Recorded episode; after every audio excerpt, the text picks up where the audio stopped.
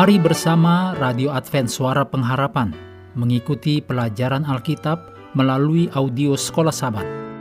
Selanjutnya, kita masuk untuk pelajaran Kamis 22 Februari. Judulnya Berkat-berkat Hidup Benar. Mari kita mulai dengan doa singkat yang didasarkan dari Titus 2 ayat 12. Supaya kita hidup bijaksana, adil, dan beribadah di dalam dunia sekarang ini. Amin.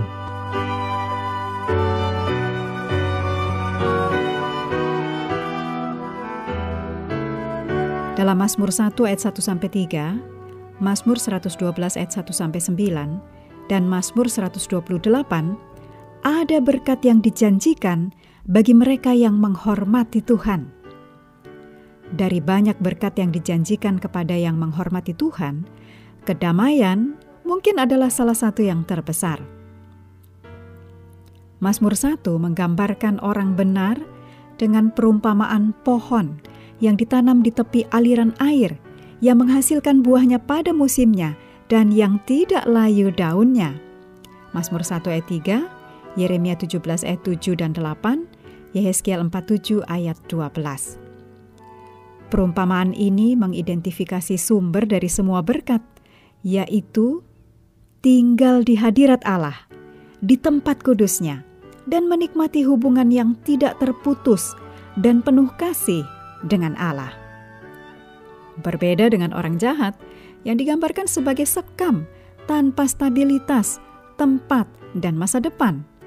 Orang benar bagaikan pohon yang berbuah dan berakar tempat yang dekat dengan Tuhan, dan hidup yang kekal.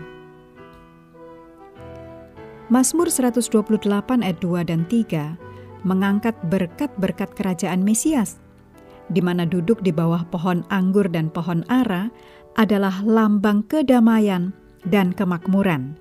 Mika 4 ayat 4. Berkat perdamaian atas Yerusalem, Mazmur 122 ayat 6 sampai 8 Mazmur 128 ayat 5 dan 6 menyampaikan pengharapan pada Mesias yang akan mengakhiri kejahatan dan memulihkan perdamaian di dunia.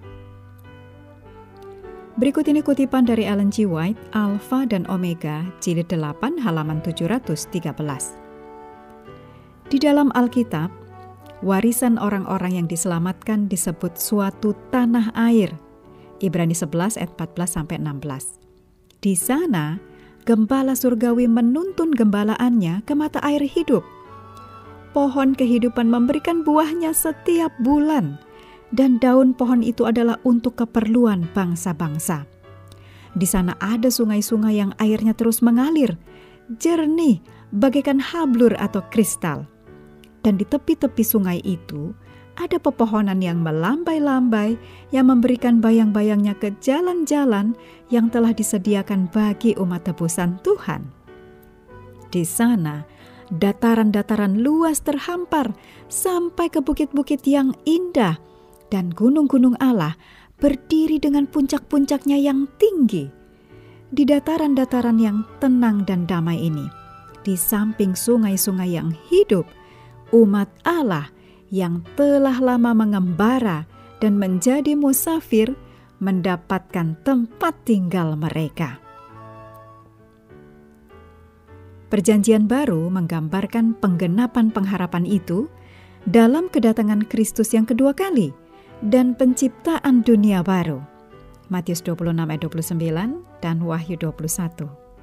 Oleh karena itu, sementara orang benar menerima banyak berkat dalam hidup ini, kepenuhan kemurahan Tuhan menanti mereka ketika kerajaan Tuhan dipulihkan sepenuhnya pada akhir zaman.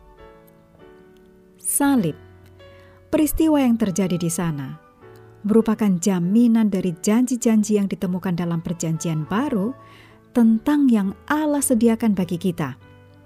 Kita dapat memperoleh penghiburan dari janji-janji itu, bahkan pada saat ini. Mengakhiri pelajaran hari ini, mari kembali ke ayat inti dalam Mazmur 90 ayat 12. Ajarlah kami menghitung hari-hari kami sedemikian, hingga kami beroleh hati yang bijaksana.